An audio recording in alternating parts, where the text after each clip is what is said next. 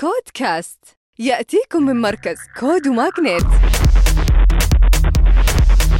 مع طارق الجاسر. وحياكم الله في نشرتنا الأسبوعية. نبدأ مع منصة تيلا الكويتية اللي جمعوا 3.7 مليون دولار في تمويل pre-series A بقيادة الشركة الاستثمارية Wealth Well وغيرها من مستثمرين. يقدمون آلاف الألعاب الخاصة بالأطفال وخيارات متنوعة لتغليف الهدايا مع توصيل الطلبات وبنفس اليوم. وعدد أفراد طاقمهم 60 موظف. أما تطبيق بون بيل المصري للتكنولوجيا الغذائية جمع تمويل بقيمة 350 ألف دولار بدعم من مستثمرين ملائكيين. يقدم خدمات منها طلب وتوصيل الطعام وحجز الطاولات في المطاعم والمقاهي.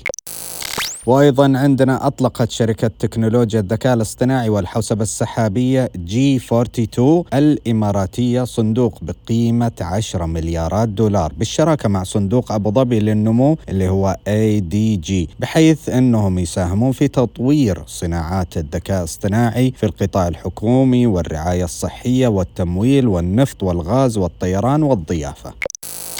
أما سايبر مية السعودية تحصل على استثمار لصندوق الوطنية المالية للأمن السبراني في الشركات الناشئة. ما بلغوا عن القيمة المالية؟ بيعمل هذا الاستوديو على معالجة مشكلة ندرة شركات الأمن السبراني التقنية المحلية والكفاءات المتخصصة ويزودوا رواد الأعمال بالموارد المالية والتقنية اللازمة.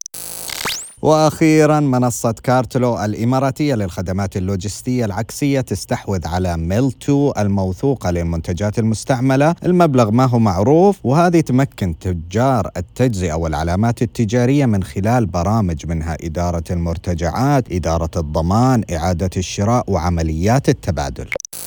ختاما تذكروا أن الابتكار هو أصل الريادة. كودكاست.